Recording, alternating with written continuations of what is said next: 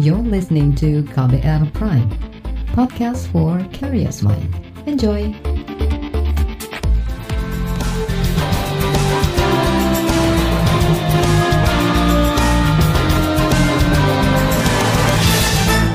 Halo saudara, senang sekali kami bisa menyapa Anda kembali dalam program KBR Sore untuk edisi hari ini Selasa 23 Juni 2020. Saya Sindu Darmawan akan menemani Anda selama kurang lebih 30 menit ke depan.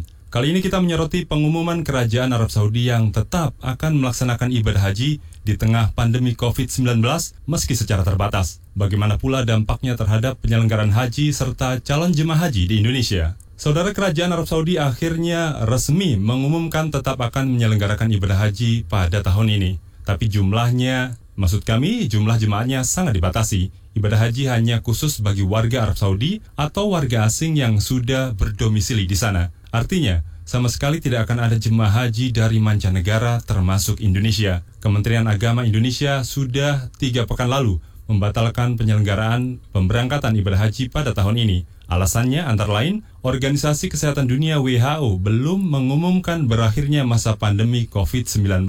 Selain itu, waktu yang dibutuhkan untuk persiapan pemberangkatan haji juga dianggap tidak mencukupi. Lantas bagaimana dampak dari kebijakan Arab Saudi itu terhadap penyelenggaraan haji di Indonesia? Bagaimana juga jemaah haji menanggapi kebijakan tersebut? Saudara tenaga ahli di Kementerian Agama Republik Indonesia, Oman Fatur Rahman, menyatakan para calon jemaah haji yang batal berangkat tahun ini dijamin akan diberangkatkan tahun depan. Biaya penyelenggaraan ibadah haji PPIH yang sudah disetorkan calon jemaah juga aman di rekening Badan Pengelola Keuangan Haji BPKH. Jurnalis KBR Mutia Kusuma Wardani mewawancarai tenaga ahli di Kementerian Agama, Am Oman Fatur Rahman. Eh, bagaimana sikap Kemenak RI menanggapi kebijakan kerajaan Saudi yang membuka haji sangat terbatas bagi warga negara Saudi dan ekspatriat yang berdomisili di sana?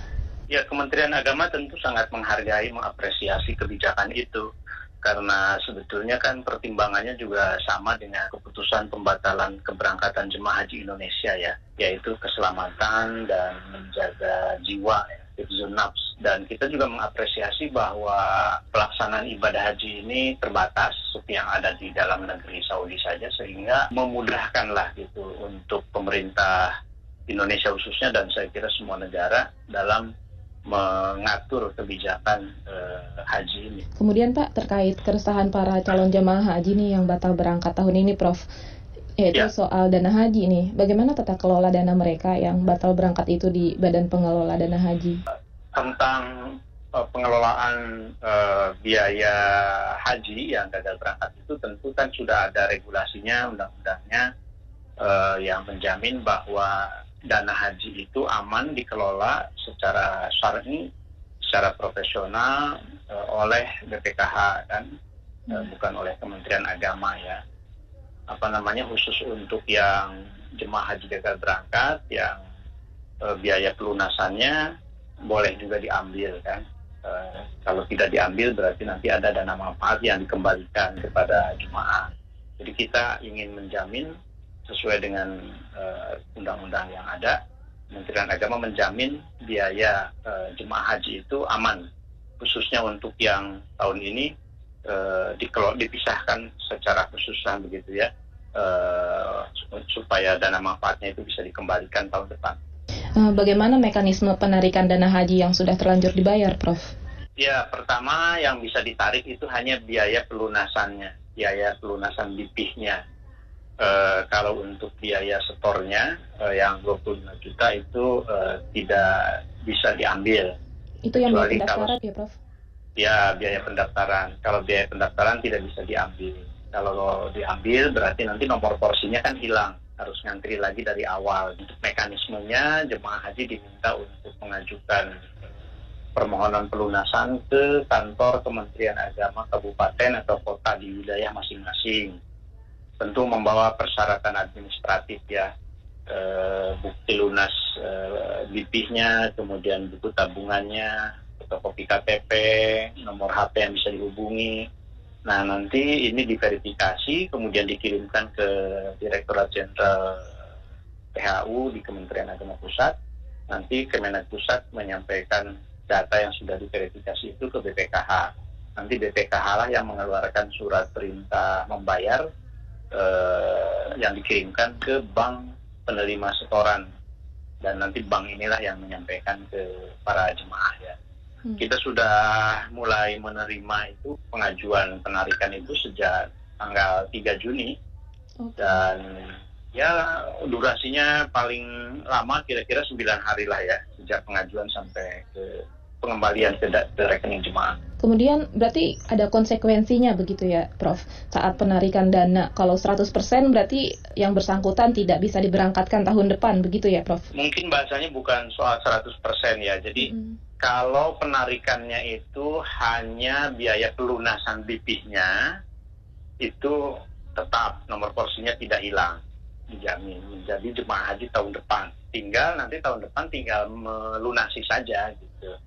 Nah, tetapi kalau uh, yang diambil itu berikut dengan biaya setorannya, uh, berarti uh, tidak punya nomor porsi lagi, itu uh, harus mendaftar ulang. Itu tadi tenaga ahli di Kementerian Agama Oman Fatur Rahman. Saudara pada awal bulan ini Menteri Agama Fahrul Razi menyatakan kementeriannya juga melayani keinginan calon jemaah haji yang ingin menarik kembali biaya haji yang sudah dibayarkan. Hingga pekan lalu, calon jemaah haji yang minta dana hajinya dikembalikan mencapai lebih dari 300 orang. Proses pengembalian itu memakan waktu 9 hari sejak diajukan. Lantas bagaimana keluh kesah dan pengalaman calon jemaah haji yang batal berangkat tahun ini? Kisahnya akan kami hadirkan sesaat lagi, tetaplah di KBR Sore. You're listening to KBR Pride, podcast for curious mind. Enjoy!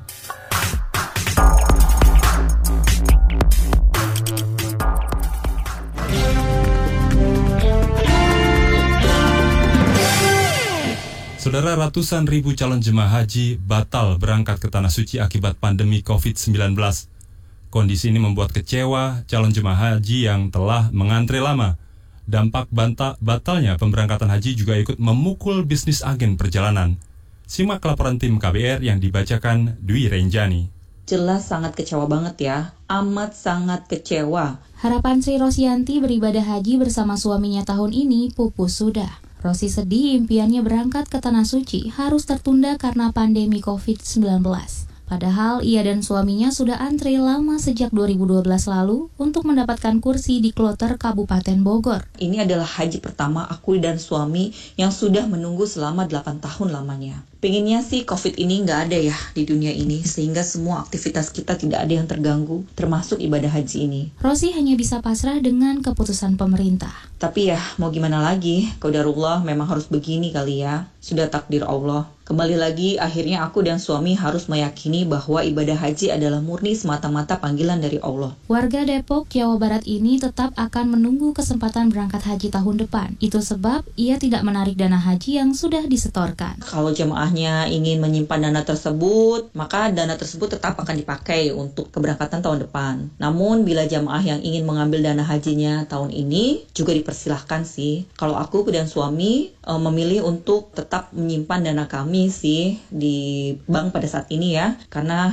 kami tetap berharap bisa berangkat kalau di tahun ini ya insya Allah tahun depan. Kalau pengaruhnya haji tahun ini menurut sih nggak ada ya Mbak. Cuman kan harusnya informasinya itu jauh-jauh hari. Roro Sati maklum dengan pembatalan ibadah haji tahun ini. Rory hanya menyesalkan keputusan itu terlalu lama diambil pemerintah. Pasalnya, calon jamaah ONH Plus Premium ini sudah melakukan persiapan dan latihan haji. Kan tadinya udah manasik, terus memang ada yang di cancel sih akhir-akhirnya manasiknya. Empat kali cancel kalau nggak salah. Terus kita disuruh ngambil peralatan gitu. Tadinya kan berharap, cuman karena kondisi kayak gini ya mengerti aja. Rory berempati dengan calon jemaah reguler seperti Rosi yang telah menunggu bertahun-tahun untuk mendapat kursi. Mereka kan berharap banget tuh mbak bisa naik haji, siapa tahu tahun depan gak ada umur ya kan. Tapi kalau pemerintahnya lama-lama kayak gini kan kita ngegantung ya. Udah siap, mungkin udah selamatan kali keluarga mereka. Terus tiba-tiba nggak jadi hamil berapa ya, hampir satu setengah bulan loh. Ini haji bukan umroh ya mbak. Pengumuman resmi pembatalan ibadah haji disampaikan Menteri Agama Fahrul Razi pada Selasa 2 Juni lalu. Langkah itu diambil demi menjaga keselamatan jamaah dan petugas haji. Apalagi Arab Saudi tak kunjung membuka akses bagi jemaah haji dari negara lain. Fahrul menuturkan pembatalan haji karena situasi darurat pernah dilakukan sebelumnya.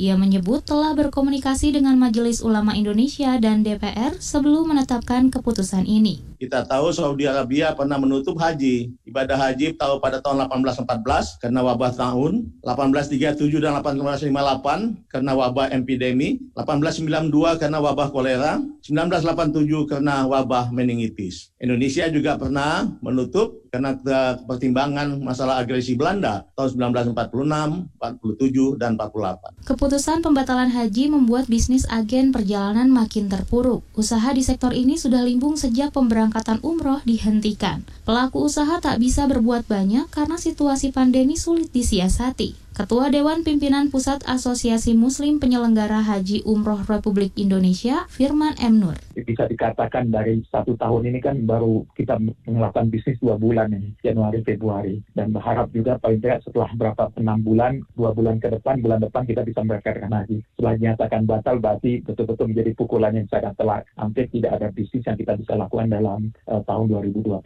ini. Firman meminta pemerintah memberikan stimulus kepada perusahaan agen perjalanan yang ter dampak pembatalan haji? Ya pertama kita berharapkan sebetulnya pemerintah cukup memperhatikan juga kondisi uh, eh, PHK dalam hal ini juga sebelumnya PPU yang kami hampir tidak ada bisnis dalam tahun 2020 ini. Selain tidak sebagai kementerian yang membawahi yang mengayomi PHK bisa melakukan stimulus-stimulus dari terobosan stimulus atau kemudahan-kemudahan lain bagi PHK untuk bisa berlangsung tetap uh, usahanya. Karena bagaimanapun PHK ini kan walaupun haji setahun sekali itu punya banyak karyawan dan kondisi saat ini memukul dua kali. Bagi jamaah, pembatalan haji tahun ini otomatis membuat daftar tunggu pemberangkatan yang makin panjang. Menurut Firman, kondisi tersebut merugikan calon jemaah lanjut usia. Karena Pak Jamaah yang tahun ini harusnya sudah berangkat, diberangkatkan baru tahun depan. Dan mereka menjadi, pasti diberangkat tahun menjadi prioritas utama untuk diberangkatkan. Jadi memang daftarkan kalau lebih lama. Kita berharap juga dalam satu tahun menunggu ini jamaah dalam kondisi sehat. Kita kan uh, yang agak riskan dengan usia lanjut sebetulnya kan dalam satu tahun itu bukan waktu yang pendek mereka menunggu. Dan yang berharap mereka tahun depan ketika diberangkatkan mereka dalam kondisi sehat dan pandemi ini juga sudah selesai. Demikian laporan tim KBR, saya Dwi Renjani.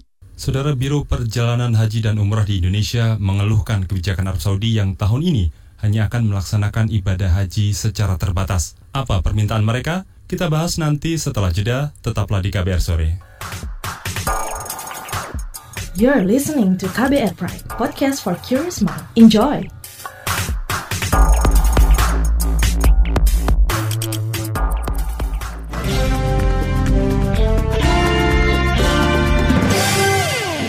Kasih Anda masih bersama kami di KBR Sore. Saudara, kebijakan Arab Saudi yang akan menyelenggarakan ibadah haji tahun ini secara terbatas dikeluhkan para biro perjalanan haji dan umrah di tanah air.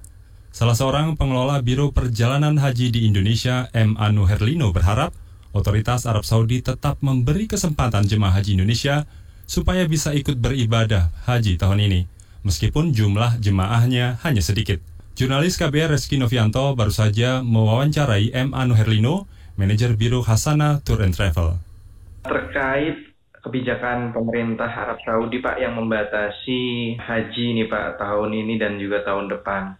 Uh, pemerintah sudah mengeluarkan surat SK Kemenag yang memang menginformasikan tahun ini haji ditunda.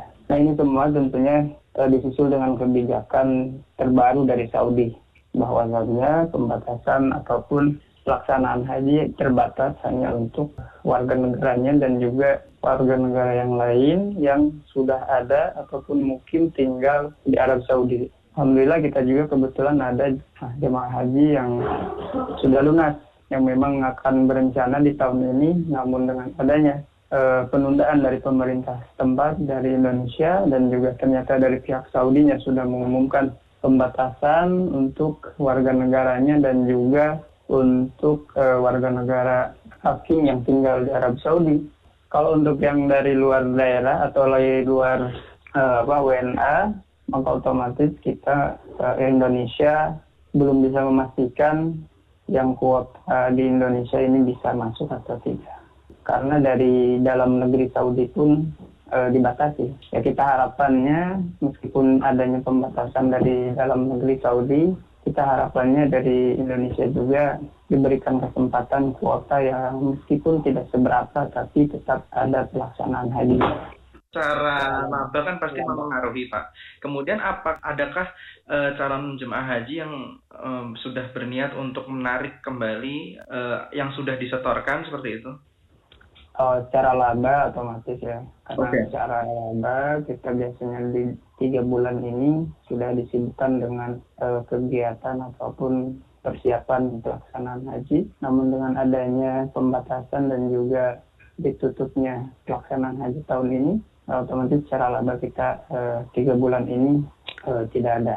Adapun nanti eh, pada jamaah yang sudah melakukan pelunasan, eh, memang secara garis besar jemaah-jemaah kita tidak ada yang mengajukan canceling ya ataupun penarikan dana dari kuota haji yang sudah dilunasi sama mereka. Mereka ini, calon jemaah ini sudah e, mempercayakan kepada kami dan juga kepada pemerintah Indonesia untuk memanfaatkan dana yang sudah disetorkan tersebut. Karena dari pemerintah sudah e, dua tiga bulan yang lalu untuk menginstruksikan pelunasan kuotanya. Kemudian dengan adanya pembatasan kuota haji ini, bagaimana harapannya Pak?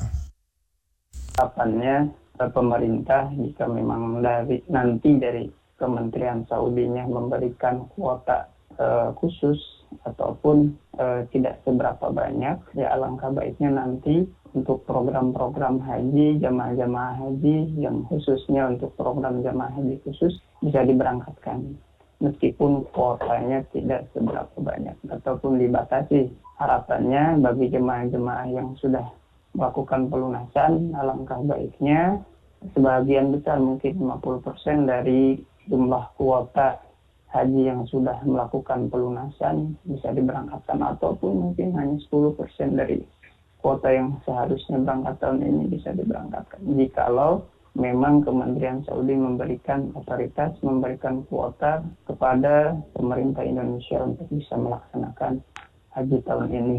Tapi jika memang tidak, ya kita semua berdoa mudah-mudahan apa pun yang terjadi pada tahun ini mudah-mudahan di tahun depan di tahun mendatang eh, kuotanya bisa dua kali lipat bertambah itu tadi M. Anu Herlino, manajer penyelenggara haji dan umroh Kasana Tour and Travel. Saudara banyak pihak merasa dirugikan atas pembatalan pemberangkatan ibadah haji maupun kebijakan pemerintah Arab Saudi yang hanya menyelenggarakan haji secara terbatas. Beberapa menyarankan agar pemerintah mengajukan permintaan kompensasi atas kerugian itu. Kompensasi seperti apa yang diusulkan? Nanti kita bahas di bagian akhir, tetaplah di KBR Sore. You're listening to KBR Pride, podcast for curious mind. Enjoy!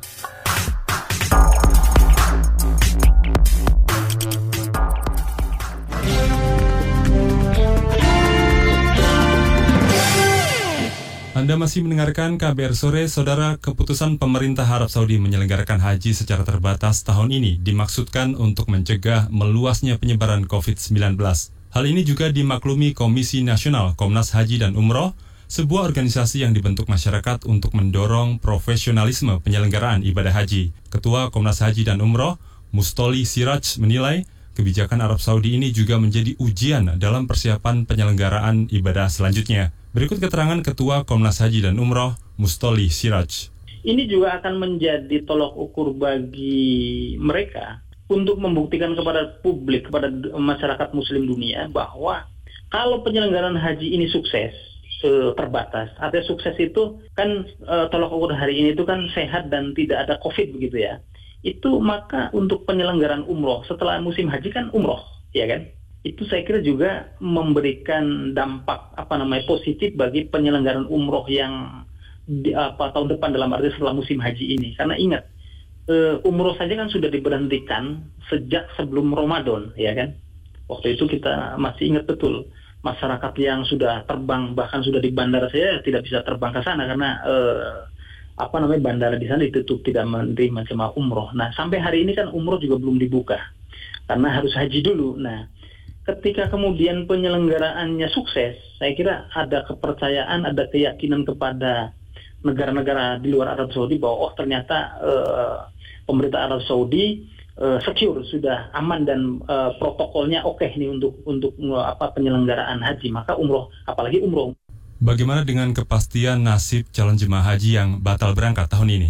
KMA 494 itu kan jelas, artinya yang sekarang dibatalkan atau ditunda itu kan dijamin untuk apa namanya uh, tetap berangkat artinya diprioritaskan uh, untuk keberangkatan tahun 2021 gitu ya syaratnya tadi tidak me, apa namanya tidak mengambil uh, uang setoran awal gitu ya. Kalau kalau yang diambil setoran lunasnya itu pun berarti kan dia harus melunasi lagi untuk tahun dia yang akan datang begitu. Intinya kalau prosedurnya diikuti pasti mereka itu kan e, diprioritaskan untuk tahun berikutnya. Nah, bagaimana kemudian pemerintah me apa namanya mengatasi panjangnya apa karena satu musim kan tidak diberangkatkan. Berarti akan menambah sedangkan orang yang daftar itu kan masih antusias nih di belakang kita ini yang uh, bulan-bulan ini atau bulan-bulan depan itu mendaftar. Itu memang akan menciptakan antrian yang sangat serius. Inilah kemudian PR uh, eh, berat yang saya kira harus di uh, apa namanya uh, dicari solusinya oleh pemerintah oleh Kementerian Agama yaitu bagaimana kemudian karena tahun lalu sebenarnya kan sudah bagus ketika 2019 itu kan dapat tambahan 10 10 ribu kuota ya di luar kuota yang sudah diresmikan begitu ya. Nah itu sebetulnya kan sudah ada langkah apa namanya eh, situasi yang membuat kita optimis artinya ada penambahan. Harapannya sebenarnya tahun ini kalau ada itu kan eh, sepuluh ribu itu juga ditambahkan tapi kan ternyata tidak itu hanya kuota ad hoc lah kira-kira khusus untuk tahun 2019. Antrean keberangkatan calon jemaah haji semakin panjang banyak yang menyoroti pengendapan dana haji di Badan Pengelola Keuangan Haji BPKH. Bagaimana tanggapan Komnas Haji dan Umroh?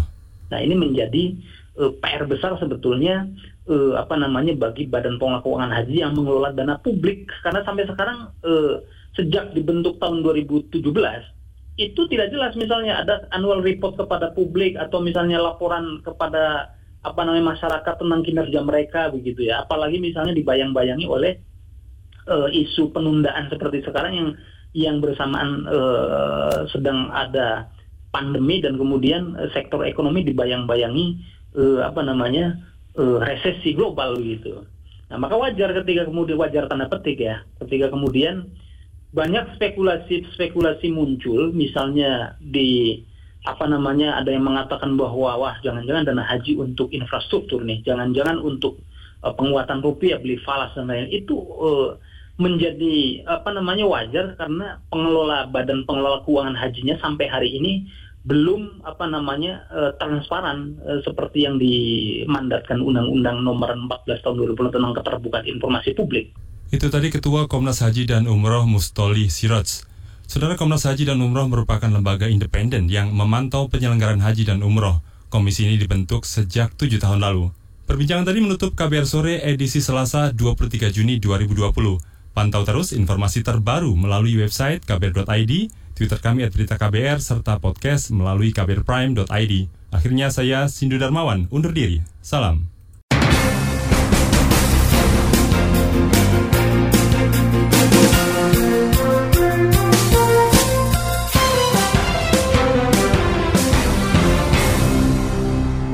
KBR Prime, cara asik mendengar berita. KBR Prime, podcast for curious mind.